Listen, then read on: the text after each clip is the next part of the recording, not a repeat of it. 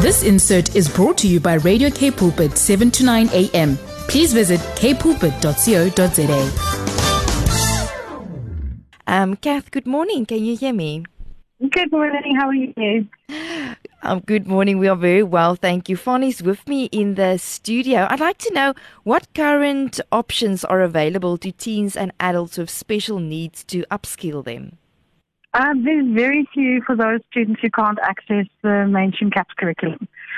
Um, there are a lot of the special schools still offer matric, and then what they will do is they will either move children out or they will send them to schools of skills who aren't always capable of, of meeting some of the more vulnerable kids' needs. And then otherwise they just kind of sit at home, um, which is why I do what I do. Oh, tell, tell us more about ASDAN. Okay, so what happened is I set up a tiny little cottage school years ago for children who tend to get treated as if they're unteachable by other schools. I've actually had schools tell me that some of my students are unteachable, which is rubbish. And I was teaching in the UK many years ago, and I taught for um, some of these ASDAN courses there. So ASDAN is a UK-based curriculum provider, provider for special needs, and they have various combinations of options that are available to upskill and also to teach independent living skills to anybody who, as long as they can communicate by at least blinking, mm. there is something for them. All the way right up until the level of about a matric equivalent in terms of um, language skills, math, science, that kind of stuff.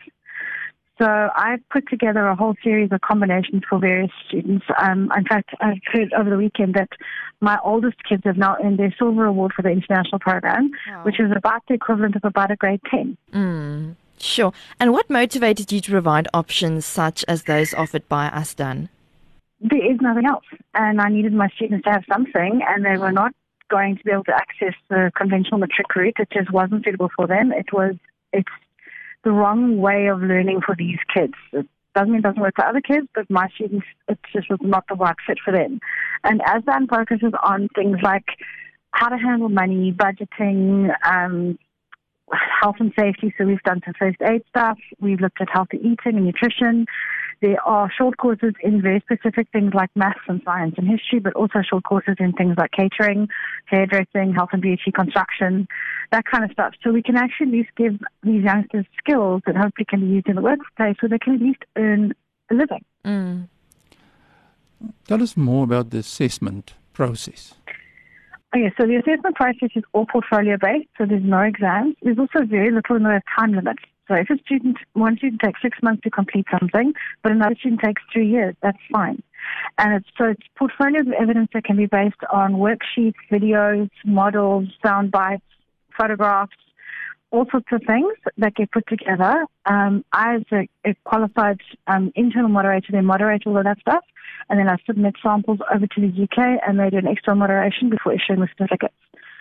And yeah, as I said, it, there is some of the courses actually allow for support. So if you've got a student who requires a scribe or a practical assistant, that all gets allowed for and it gets commented on in the, in the moderation and examination process.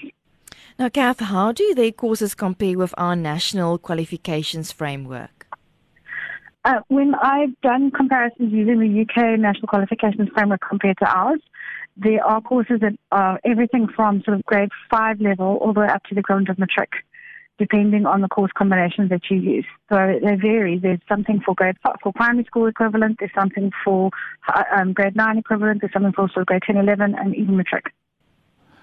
Can you please explain the South African levels for us?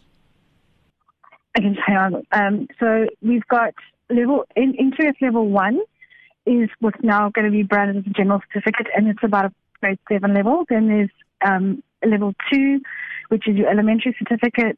Um, there's level three intermediate certificate, which is grade nine, I think. Then there's level four, which is a national matric certificate, and level five is a higher national certificate, which is basically, I think it's like first year college level. Um, so those are the national curriculum framework levels that I've got from um, SAQA. Kath, thank you so much. I have to end off um, and ask you where are courses offered? It's such a unique and special program and such a big need in society. Please tell us more. There are nine centres in South Africa at the moment. Although from what I've been told, I'm the only one who's offering everything, and that's I actually run it as a combination of in-person and the distance learning. because that way I can reach more people. Wow, amazing. Thank you, thank you so much. That is Kath Kenyon. She is from the Tiny Cottage School Learning Cat, Remedal. Um, she's catering for pupils with complex special needs. Kath, thank you for the amazing work that you are doing in society. Thank you, Kath. Thank you. Pleasure. Thank you. Thank you. Have a lovely day. Bye bye. You too. Bye. This insert was brought to you by Radio K Pulpit, 7 to 9 a.m. Please visit kpulpit.co.za.